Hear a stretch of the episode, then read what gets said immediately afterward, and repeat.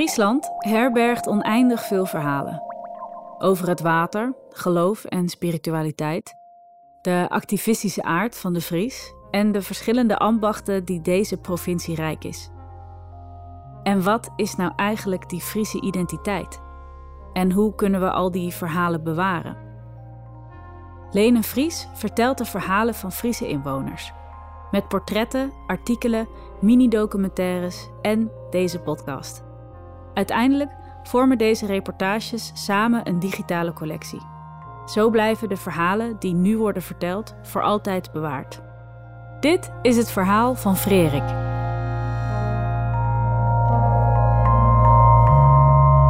Nou, ik, eh, ik ben uh, Frederik Visserman. Uh, en ik uh, ben geboren en getogen in Heeg En Heeg is van origine een heel, en, echt een palingdorp. Ik ben in 2009 ben ik visserman geworden. Na, en ik ben visserman geworden nadat ik veel op reis ben geweest. En ik ben 44 jaar en ja, ik vind het heerlijk vak. Mijn vader heeft ook nog wel bij zijn bij, eh, bij mijn opa dan. Moet ik zo even nadenken. Bij mijn opa in, in dienst geweest in het begin. Die was van zijn 14 af is die visserman geweest. Want die heeft dus amper op school gezeten. Maar er moest gewoon brood op de plank komen. Want ze waren met z'n tienen thuis. Dus ja, ze hadden tien kinderen. En ja, die moesten allemaal wel gevoed worden. En met een bestaan als een visserman was dat niet zo heel, heel dik. Dus ja, die moest wel hulp hebben. Maar op het laatst uh, was de verdienste zo weinig dat mijn, mijn opa, die is uh, in een fabriek aan het werken geweest. En mijn vader heeft de visserij zeg maar overgenomen. Al heel jong. Dus die is, ja, en die helpt me nog steeds. Dus die is, die is al jaren en jaren in de visserij. Ja, die, hebben altijd, die zijn altijd visser geweest. En dat is, ja, dat is in de familie altijd van vader op zoon overgegeven. En ja, niet dat het zo'n zo'n zo'n enorm uh, beroep waar, waar je veel geld mee kon verdienen. Maar het was gewoon uit, ja, ook uit armoede. Uh, ja, eigenlijk met, je, je, wist wat je moest doen. De visserstechniek, dat wisten ze. Dus ja, laten we dat maar doen.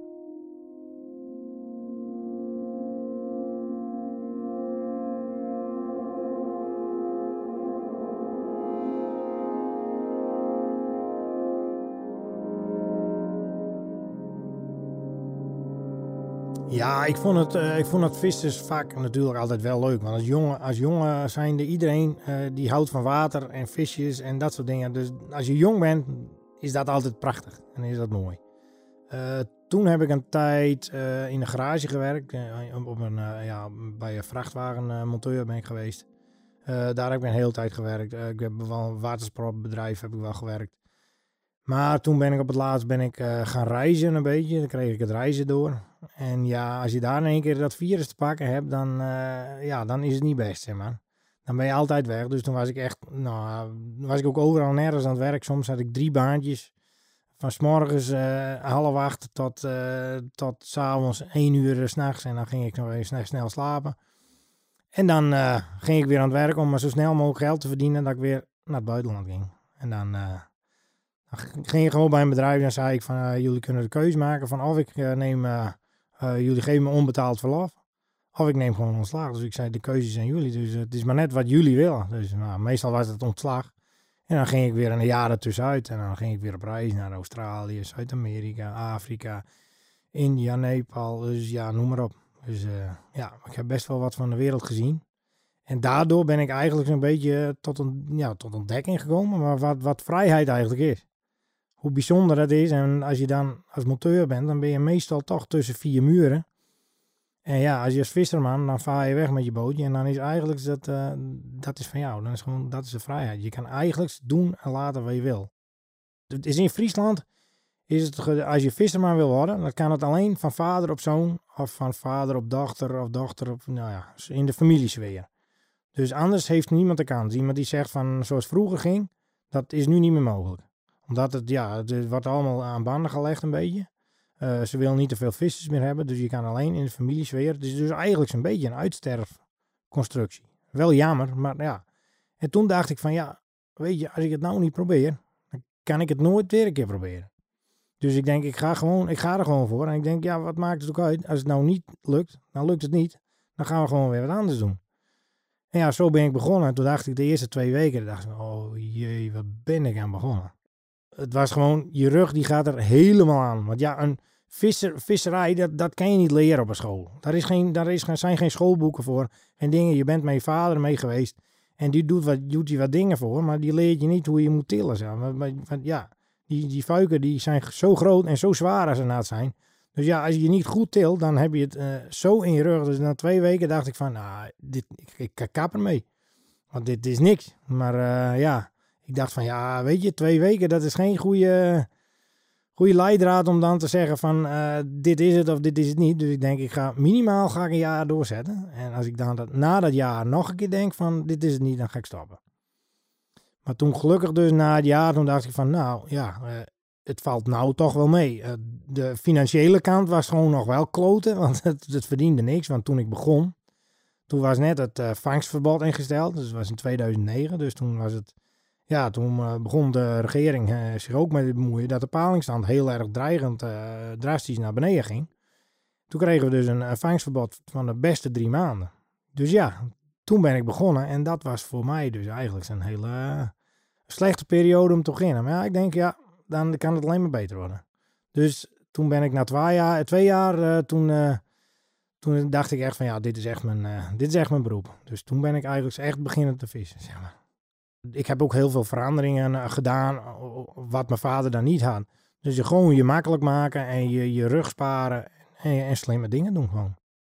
Ja, mijn vader viste met, met de stokken aan het netwerk vast. En dan moest je die hele, die hele beug eruit trekken. En ik doe dat dan op losse stokken. En ja, dan, dan heb je wat meer werk van om het erin te zetten. Maar uiteindelijk wordt het, wordt het er lichter van. Uh, mijn boot, ik heb een kraantje op mijn boot gekregen. En dat soort dingen. En allemaal gemaakt. Dus allemaal handigheidjes die in de techniek. Dus dat was wel een voordeel van mij dat ik in in de, in de, als monteur heb gewerkt. Uh, techniek, daar heb ik wel wat verstand van. Dus daar kan je kan je mooi uh, toepassen op je eigen boot.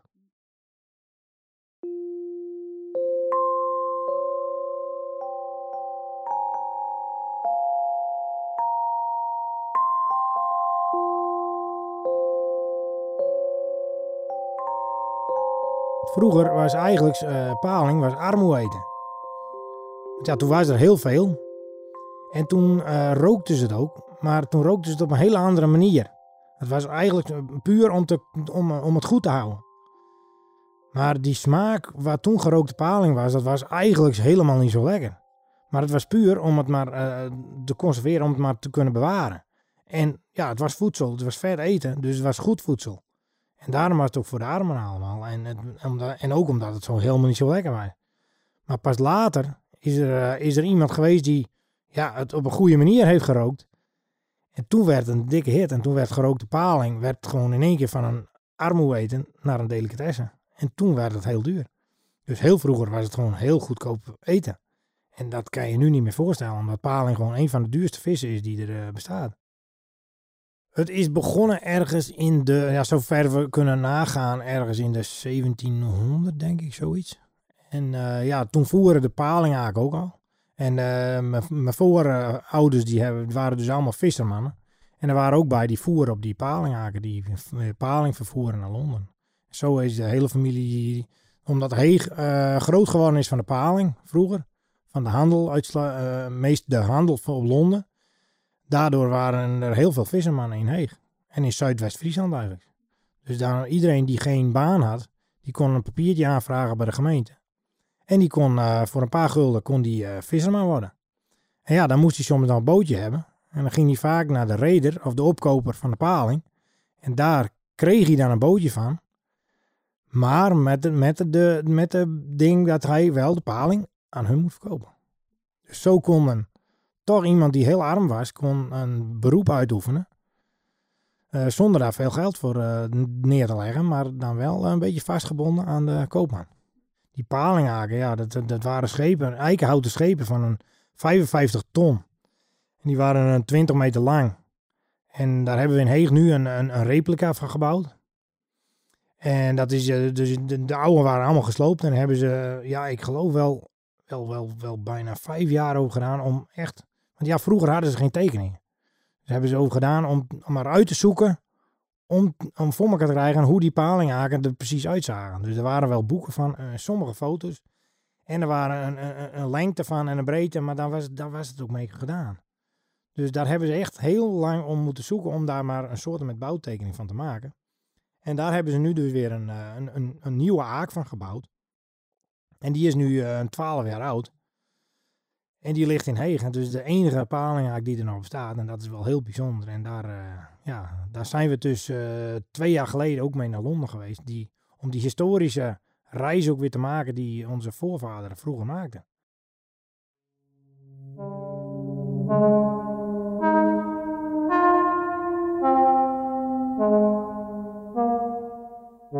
Mijn seizoen loopt eigenlijk van, nou, het begint ergens april, mei tot uh, november. En dan heb je eigenlijk, ja, dat is je seizoen. Dus ja, dan heb je wel heel veel werkzaamheden wat je weer voor het nieuwe seizoen moet voorbereiden. En onderhoudswerkzaamheden, maar het is niet, uh, het is niet gewoon, er staat geen druk op. Dus je kan gerust een paar maanden tussenuit. Dus ik denk, ja, met deze baan kan ik dat ook nog doen natuurlijk. Als ik ga vissen, ja, dan is het, uh, vooral in, in het hoogseizoen is het gewoon morgens vroeg, als het licht wordt, van bed af. eigenlijk nog iets eerder, dus dan ga je ja, dan ga je vier uur van bed af. En dan even een ontbijtje. Ik mag altijd graag een, eh, een uitgebreid ontbijt hebben. Want ik zei, dat is het enige rustmoment van mij op de dag dan. En uh, dan ga ik lekker voor zitten. Dus kan ik zo drie kwartier zitten te ontbijten. En even brood smeren voor onderweg. En uh, koffie mee in, in een kannetje. Dus dan uh, kan je toch nog even lekker een bakje doen in het riet. Heb je toch ook alweer een rustmomentje. Maar toch, ik mag graag rustig aan beginnen. S morgens even nadenken waar je al mee moet hebben als je keer op water zit, dan, dan kan je niet zo even terug om, om wat op te halen. Dus je moet wel goed nadenken dat je niks vergeet. En ja, dan, uh, dan begint het vissen. En dan kom je met het, uh, als het licht wordt bij de eerste fuiken. En dan, uh, ja, dan leeg je de fuiken. Ga je spul overboord gooien wat je niet mee wil hebben. Wat, wat eigenlijk bijvangst is. Het gaat gelijk weer overboord. En dan blijft het zitten en dan de rest blijft in de bun zitten. En dan ga je naar de volgende fuik en dan pak je die. Als ik alles uit heb, ja, dan heb ik. Uh, het wordt eigenlijk elk jaar minder, omdat wij met een quotum vissen. Uh, dus ja, het aantal kilo's vang je steeds makkelijker vol, omdat het gewoon goed gaat met de palingstand. Maar als je de, vorig jaar moet je zien, er zijn 35, 40 fuiken dat ik uit heb. Ja, zoiets. Nou ja, dan uh, ga, je, ga je gewoon door dat, dat de dag er eigenlijk op zit. Ja, want ja, je doet toch een, zo, wel zo'n 10 fuiken op een dag eigenlijk. Ja. Ja, dat is ongeveer een beetje. Het hangt af, want je, je deelt je gebied een beetje in. Want ja, mijn gebied zit van Heeg tot aan, aan helemaal aan Lemmer toe. Dus ja, ik ben, uh, als ik moet varen naar Lemmer, dan ben ik al twee uur onderweg. Dus ja, dan, dan kiem je dat een beetje uit of je een beetje tactische, tactische plekken hebt. Dus dat je niet alles, alles door elkaar heen, maar dan denk van nou, in die uithoek, dan ga ik dan de hele dag ga ik bezig. Of ik blijf er een dat doe ik heel soms ook nog wel eens. Ik heb nog ergens een bootje liggen bij de Lemmer, dan kan ik daar uh, even slapen. Dus dan kan ik daar, uh, ja, dan kan ik daar twee dagen meenemen en dan heb je, heb je mooi de tijd. Ja, dan kom ik weer thuis en uh, dan, dan gooi ik de paling in een, ja, in, in een bewaarbak, in een kaar noemen ze dat. En daar, daar blijven ze in leven tot ik ze verkoop of, of aan het restaurant of aan de groothandel als ze wegbreng. Want paling is alleen levend wat waard. Of je moet ze helemaal klaarmaken, moet ze pan klaarmaken. Dat kan ook. Maar een paling die moet je verkopen dat ze levend zijn. Dan heb ik ook op mijn auto heb ik een, uh, een uh, 1000 liter bak staan. Uh, daar kan ik dan een paling in gooien. En die kan ik daar zo naar de koopman brengen. En dan komt die levend uit en dan wordt die levend verhandeld. Of de koopman komt bij mij, dat kan ook nog. Dus ik heb verschillende manieren waar ik ze hoekje verkoop. Maar het liefst gewoon rechtstreeks aan de restaurants, aan particulieren die thuis langskomen. Maar ja, restaurants, dat is de mooiste handel, want daar kun je een paar kilo in één keer. En dan maak je het schoon en uh, lever je gewoon pan klaar aan bij het restaurant. En uh, ja, dan gaat het uh, gewoon daar mooi op de kaart. De vraag naar paling is nog, nog gigantisch. Gelukkig wel, want anders hadden wij geen, geen bestaansrecht meer gehad. maar, maar nee, de vraag is nog heel groot. Maar het is inderdaad dat mensen daar wel vraagtekens bij hebben. Maar ja, uh, je hebt heel veel NGO's die zeggen van ja, je kan het echt niet meer eten, want het staat op een rode lijst en het zijn bedreigde dieren en het, het gaat heel slecht met de paling. Maar ja, het gaat, uh, weet je, het, gaat eigenlijk heel goed met de paling. Maar we kijken altijd naar de jaren tachtig of zo, toen, het, toen er bijna meer paling was dan water. Toen, waren er heel was er heel veel paling, maar dat biotoop is zo veranderd. En dat, dat, dat is het tegenwoordig niet meer, dat krijgen we ook nooit weer terug. En ja, als je dat, als nulmeting uh, neemt, dan is er gewoon geen paling meer, nee. Maar uh, hier in Friesland vooral is het echt, gaat het heel goed met de palingstand. En dat komt ook door de manier waarop wij vissen. Dus dat, ja, daar ben ik van overtuigd. En ja, we moeten de paling toch ook helpen hier in Nederland. Want ja, we zitten, zitten gewoon onder zeeniveau. Dus als wij ze niet helpen, ja, dan komt het ook niet goed. Maar ja, als je, als je er dan ook geen profijt van mag hebben, als je ze mag helpen, dan, uh, dan gebeurt er helemaal niks. Want dan zegt een visserman ook van, ja nee, dan ga ik er ook niks meer aan doen.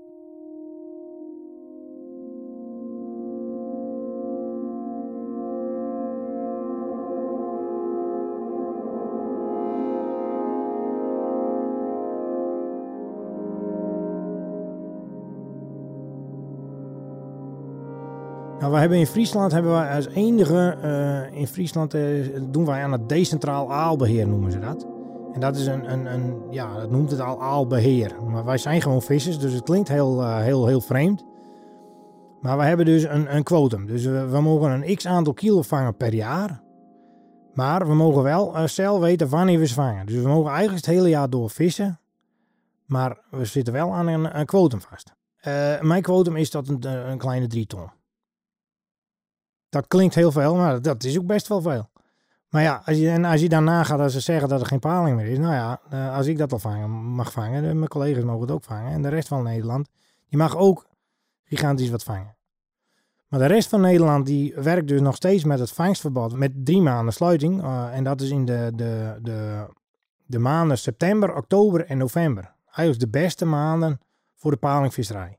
En waarom de beste maanden? Dat, is de, dat zijn de maanden waarop de schieraal gaat trekken.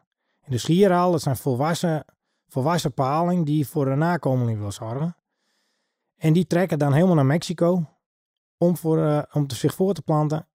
En dan komen de jonkies op de golfstroom, komen ze later weer terug naar Nederland of naar ja, de Europese kust. En zo komen ze Nederland weer binnen.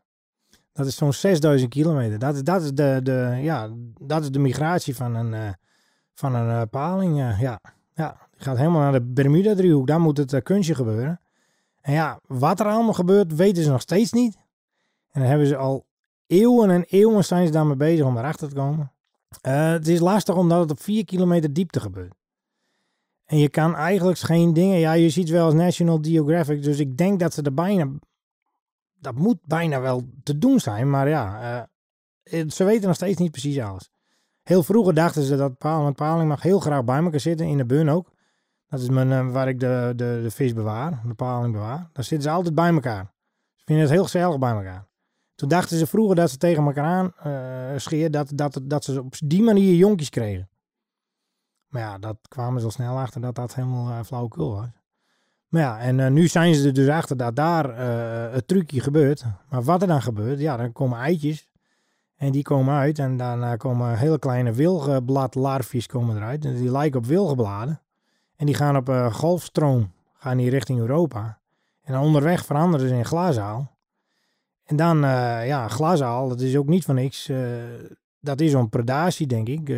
ja, dat denkt iedereen, denk ik. Want anders dan worden ze opgevreten door die zee, zeemonsters die er overal zijn.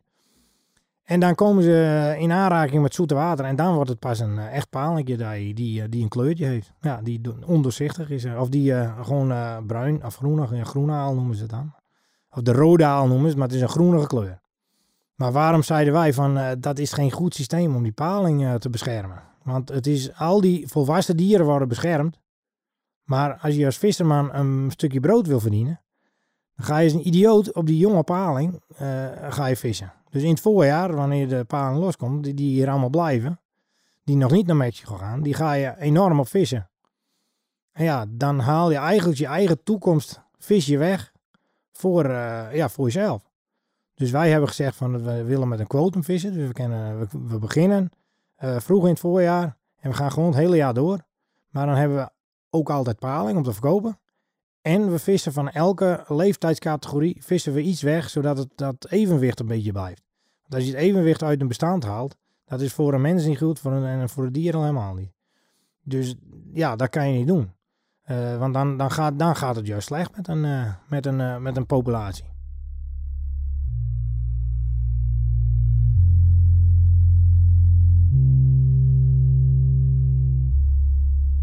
En ja, klimaatverandering, dat heeft ook natuurlijk met, met golfstromen, alles heeft daarmee te maken. Dus dat die paling weer naar, naar Europa moet zwemmen of moet komen. Die golfstromen veranderen, dat soort dingen.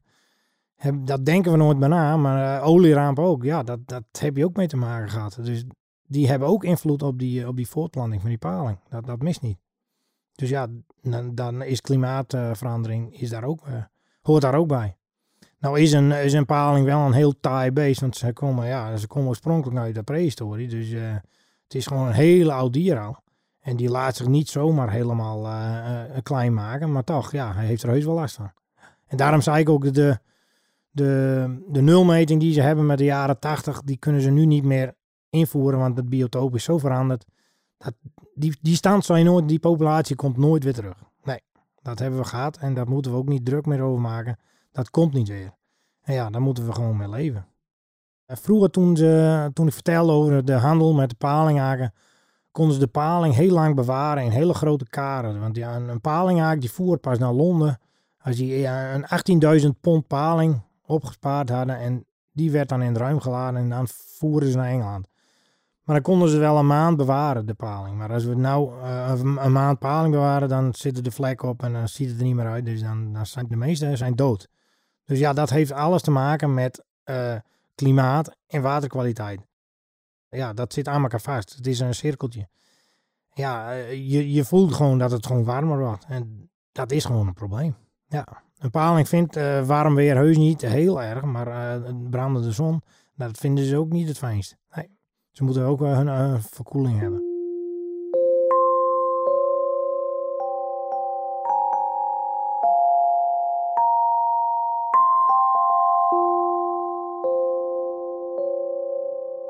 Nederland zit dichtgetimmerd met sluizen, gemaal, uh, waterkrachtcentrales en dat soort dingen om ons droge voeten te bezorgen.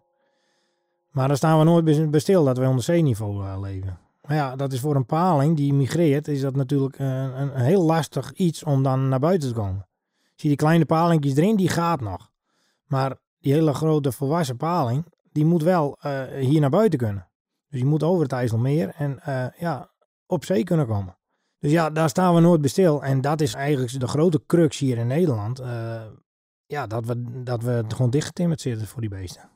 Ja, daarom zetten wij elk jaar zetten wij glasaal uit. Dus dan kopen we gewoon glasaal die voor de, meestal voor de Franse kust worden die opgevist. Dat zijn vissers die, net zoals ik, uh, eigenlijk spalingvissers zijn, maar dan op glasaal. Dus die vissen dan met heel fijn mazige netwerk op die glasaal. En dan kopen wij die van die vissers weer en wij zetten het hier in het binnenwater weer uit. En dan hopen we maar dat er wat van terecht komt. En ja, daarnaast zetten wij ook nog uh, schieraal uit. Dus dat zijn de volwassen paling. Die vangen wij voor uh, schadelijke gemalen. Want we hebben in Nederland iets van 4000 gemalen. En ja, dat, uh, die, dat zijn eigenlijk gehaktmolen voor, voor de paling. Ja, als die er doorheen gaan, dan komen ze er gehakt uit. Nu hebben ze gelukkig al heel veel aangepast. Maar ja, voordat je 4000 gemalen aangepast hebt, ben je geldtechnisch heel lang bezig. En ja, arbeidstechnisch is dat ook niet te doen. Dus nu wordt elke gemaal wat vernieuwd moet worden, dat wordt een visvriendelijk gemaal. Dus dat wil zeggen dat die paling daar ongezonder doorheen komt. Uh, maar ja, dat is nog lang niet zover dat alle gemalen aangepast zijn. Dus wij vissen dan de paling voor die schadelijke gemalen. Vissen zetten we fuiken. Die vangen we de, de paling weg, de schieraal. En die zetten we dan over de, letterlijk en figuurlijk over de dijk. Ja, die zetten we aan de andere kant uit, zodat ze geen hindernissen meer hebben. En uh, vrije uitzwem hebben naar uh, richting Mexico. Dus ja, daar zijn we dus wel een beetje mee bezig. Want ja, we moeten ook wel, want het is onze toekomst. En als die palingen niet meer is, dan is ons brood ook weg. Dus ja, het zou... Uh, het is heel leuk dat ze zeggen van ja, is met de, de paling wordt bedreigd en je kan er niet meer op vissen. Nou, Geloof mij maar, voordat je die palingen aan het uitsterven hebt, dan moet je heel veel doen. Ja, en daar zorgen wij wel voor dat dat niet gebeurt. Ja, eigenlijk werken we samen met iedereen die ook op het water zit natuurlijk. Want je zou wel moeten, want ja, wij moeten het water, het is niet ons eigen water. Het meeste water is van uh, Rijkswaterstaat. En soms van de, van de waterschappen nog. En, en soms nog wat uh, ja, gemeentewater nog. Dus ja, het is allemaal verschillende. Eh, iedereen die heeft zijn, zijn water. Dus wat moeten wij eigenlijk spachten? Dus wij hebben ons wel aan regels te houden ook. En we moeten afspraken maken met hun natuurlijk. Ja, want wij mogen niet overal klakkeloos fuiken neerzetten. Want ja, als je een vaaggeul hebt, ja, dan mag je niet een fuik zetten. Dat is ook niet heel slim, maar het mag ook niet.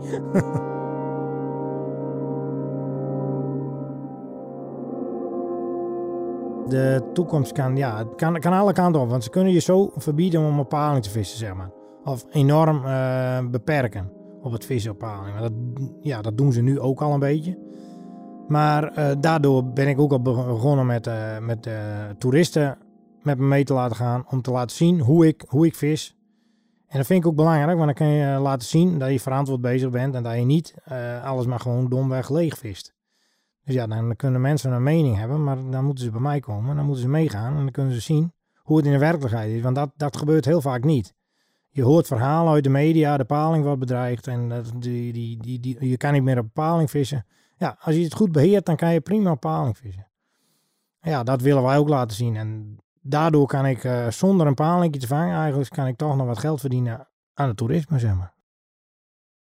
Iedereen die komt van boord en die heeft wel iets geleerd van, uh, van ja, van de trip, van de excursie.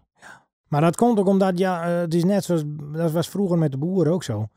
Wat een boer deed, dat wist je eigenlijk niet. Ja, je wist er kwam melk uit zo'n koe en dat kwam in de supermarkt terecht en uh, that's it. Maar meer, mensen hoefden ook niet meer te weten eigenlijk. Maar nu tegenwoordig, en daar ben ik blij om, dat mensen willen eigenlijk alles weten van, uh, van, van, van het begin tot aan het bord. En dat vind ik heel goed, want dat is, dat is, dan, dan leer je ook waar je voedsel eigenlijk wegkomt. En wat het, uh, wat het doorstaan heeft, zeg maar. Wat voor doorlopen is geweest. Net zoals met zo'n paling. Heeft, hebben heel veel mensen geen flauw idee van. Dat die een groot palingje, dat die al, ja, al best wel oud is. Dat die best een 20 jaar oud eh, kan wezen al. Ja, dan is het nog niet eens een hele grote paling. Maar die groeien gewoon niet hard. En ja, daarom, is het, daarom moeten we wel zuinig wezen met wat we doen met de paling. En dat is niet, uh, niet op visserijgebied alleen zo. Maar ook uh, op gebied van, uh, van ja, met, met de sluizen en gemalen. Met, de, met de verontreiniging van water. noem maar op. Alles. Ik blijf op het water. En daar kunnen ze, daar kunnen ze ook niemand verbieden om op water te komen. Dus dat gaat altijd gebeuren. Dan, dan ga ik wel rondleidingen geven met een boot. En dan ga ik de mooie natuur laten zien. En weet ik het allemaal. Maar dat ja, dat doe je nu soms ook. Ik heb nu ook vaak als, gids ga ik gewoon soms mee. Mensen die vragen voor een, een tijdschrift, dan moeten ze voor schrijven. Zijn vorig jaar ook een keer mee geweest. En ja, dan ja, daar kan ik mijn eigen draai ook wel aan geven. En dan kan ik heel veel vertellen nog over het gebied. En over de visserij ook nog wel, hoe het vroeger was. Dus dat, dat blijft altijd. Maar de manier, uh, ik hoop toch een beetje visserman te blijven. En op wat voor manier, nou ja, dat zien we dan wel. Maar ik wil wel en ik wil ook nog paling kunnen verkopen, want je, je moet de mensen het kunnen laten proeven. Het is gewoon, ja, het is, een, het is ook een stuk cultuur van Nederland. En dat, dat moeten we erin houden. Ik bedoel, mijn, mijn dorp is groot geworden van paling. Dan zou het toch, zou toch krom wezen dat we niet meer paling mogen vissen en verkopen en, en aan de maan mogen brengen. Dat is, dat is, nee, dat is niet, niet denkbaar bij mij.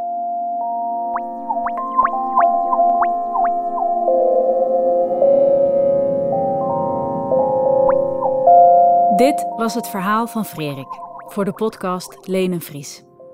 Deze podcast werd gemaakt door mij, Joran de Boer, en Aira Helvrig, die de eindmixage deed. De muziek werd gemaakt door Esker van de Werken. Dank aan Frerik voor het vertellen van je mooie verhaal. En dank aan jou, luisteraar, voor het luisteren. Vond je deze aflevering mooi? Deel hem dan vooral met anderen. En als je dan toch bezig bent, laat dan ook even een review achter. Op die manier kunnen andere podcastliefhebbers deze podcast makkelijker vinden. Meer informatie over Lene Vries vind je via de link in de show notes. Graag tot de volgende aflevering.